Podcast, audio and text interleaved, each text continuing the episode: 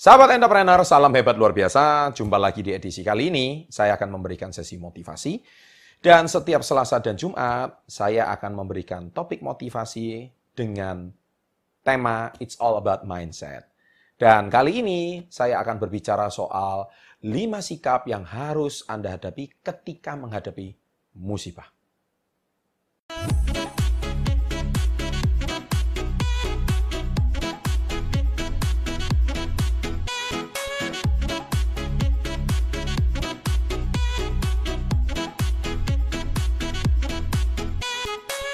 Baik, sahabat entrepreneur, it's all about mindset. Oke, sama-sama kita ucapkan salam hebat luar biasa. Nah, memang siapa sih yang suka musibah? Siapa sih yang ketik suka ketika kita terpuruk? Siapa sih yang suka ketika kita hidup lagi di bawah? Enggak ada yang suka. Tetapi sering kali Anda lupa bahwa ketika kita itu dapat musibah, ketika kita itu kondisi lagi di bawah, kita lagi terpuruk, itu justru banyak pelajaran yang bisa kita petik. Ya. Nah, banyak orang-orang besar, orang-orang sukses, itu justru malah mendapatkan pelajaran paling berharga ketika dia kondisinya sedang terpuruk atau kondisinya sedang kena musibah. Karena ketika kondisi lagi mulus, kondisi lagi baik, Anda tidak belajar apa pun. Anda hidupnya nyaman, santai. You learn, you cannot learn something. Anda nggak belajar apa pun. Orang belajar sesuatu itu ketika dia lagi musibah, apa ya ini ya? Ketika dia lagi di bawah, ketika dia lagi terpuruk, hutangnya menumpuk, itu dia belajar banyak. Nah, ibarat itu seperti lima jenis gelas. Nah, lima jenis gelas ini itu mencerminkan sikap ketika Anda menghadapi musibah. Nah, gelas yang pertama adalah gelas yang tertutup. Nah, Anda lihat ya ini ya, gelasnya tertutup. Kalau tertutup, gelas ini nggak bisa diisi apa pun. Banyak orang itu ketika dia sudah keterima musibah, dia nggak mau terima masukan orang lain. Dia anggap semua orang lain adalah salah. Dan dia cuma tahu dirinya sendiri yang tidak tahu mana yang benar, ia tidak mau menimbang, merenungkan kata-kata orang lain. Termasuk Anda yang menonton channel ini, Anda menganggap bahwa kata-kata saya adalah kata-kata yang tidak pernah Anda mau dengar. Anda cuma mungkin berpendapat saya cuma teori, saya tidak mau dengarkan nasihat, saya cuma membual, saya cuma bullshit, omong kosong. That's it. Ya, jadi itu berarti Anda menonton channel saya dengan gelas tertutup. Nah, itu sikap ketika Anda menghadapi musibah dan Anda cari pembenaran diri sendiri, Anda selalu menganggap diri Anda paling benar, Anda sudah menganggap diri Anda paling mengerti segalanya. That's it, ya. Dan orang-orang seperti ini menurut saya adalah sikapnya seperti gelas tertutup.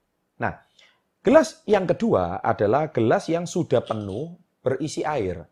Nah, kalau ini tidak dapat diisi apa pun, gelas ini menggambarkan sikap seseorang yang mau mendengar, tapi karena di dalam dirinya dia sudah punya suatu kepercayaan, sudah punya suatu belief system, sudah punya suatu prinsip dan pedoman, maka ajaran yang lain tidak bisa diterima olehnya. Dia sudah memiliki dan menghalangi dirinya untuk merenungkan kata-kata orang lain. Memang dia terbuka, tapi airnya sudah penuh. Sehingga Anda merasa, ah, pendapat orang lain itu nggak benar gitu. Ya, dia dia dengar sih, hmm, tapi dengar nggak sikapnya seperti ini. Lu mau ngomong apa sih? Gitu. Matanya sambil merem-merem dikit gitu. Iya kan? Bukannya belalak gitu, sambil kayak kayaknya agak sinis-sinis gitu. Tapi dia dengar gitu, dia nggak nggak counter. Ah, gua udah tahu segala. Enggak, dia terima aja. Tapi sikapnya penuh air. Nah, ada sikap yang seperti apa? Yang gelas tertutup atau berisi penuh air? Silahkan Anda komen di bawah ya. Silahkan komen di bawah. Nah, kemudian yang ketiga adalah gelas yang pecah. Ya, ibaratnya lima gelas. Gelas yang pecah itu seperti apa? Karena sekalipun dapat diisi, tapi gelas ini tidak dapat menampung air yang di dalam uh, gelas tersebut. Karena gelas ini menggambarkan seseorang yang tidak mampu mencerna nasihat orang lain. Karena itu meskipun dia mau mendengar maupun mendengarkan nasihat, tapi yang membuat dirinya adalah tidak mampu memahami. Nah ini di subscriber saya juga cukup banyak. Pak Chandra, Pak Chandra punya ajaran itu bagus, tapi saya bingung. Saya semakin pusing dengar yang Pak Chandra ngomong. Nah ini gelas pecah. Nah, entah itu halangan fisik, halangan mental, atau halangan apa pun. Atau mungkin keterbatasan indera, karena beberapa penonton saya juga ada yang tunarungu, ya, ada juga yang mungkin tunanetra. Kalau tunanetra Anda bisa mendengarkan, saya juga punya pendengar eh, subscriber itu seorang autis, ya kan, dia bilang kalau saya mendengarkan Pak Chandra itu, saya harus pakai earphone yang besar supaya saya bisa nangkep maksudnya.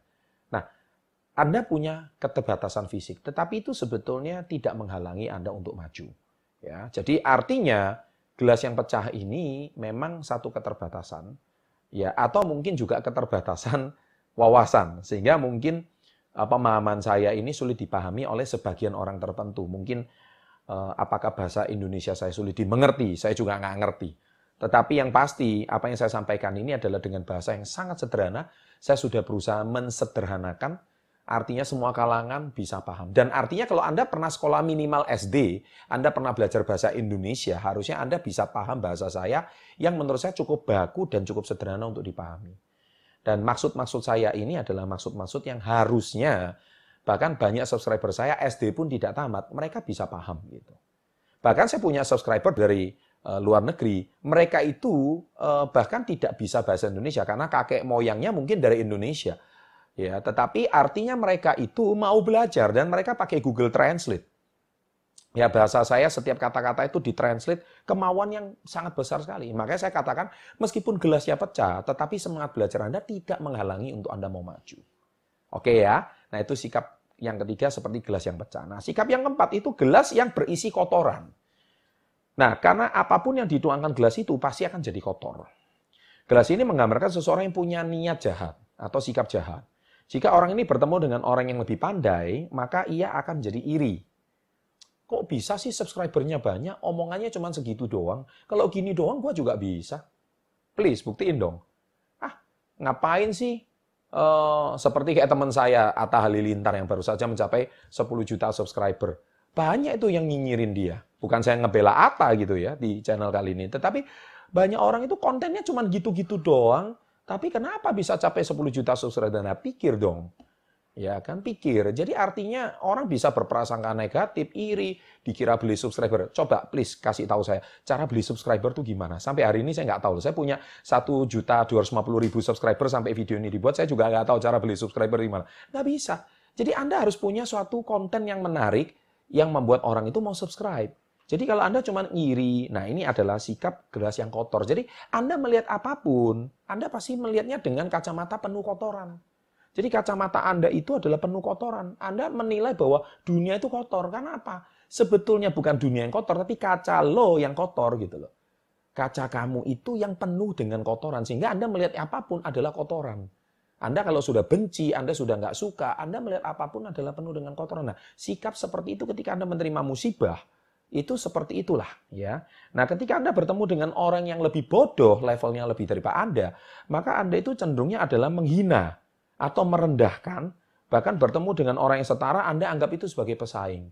Nah, sikap-sikap seperti ini itu menurut saya adalah sikap haters atau sikap orang-orang yang bukan menunjukkan kemampuan tapi dia nggak mau disaingi, dia merasa diri paling pintar, dia merasa diri paling hebat, dan yang terakhir, dia kalau ada orang lebih hebat dari dia, dia merasa nggak percaya diri, tapi menunjukkan kepercayaan dirinya dengan cara iri, menjelek-jelekkan, merasa dirinya. Nah, orang-orang seperti itu. Nah, orang-orang seperti ini, itu ibaratkan kanker.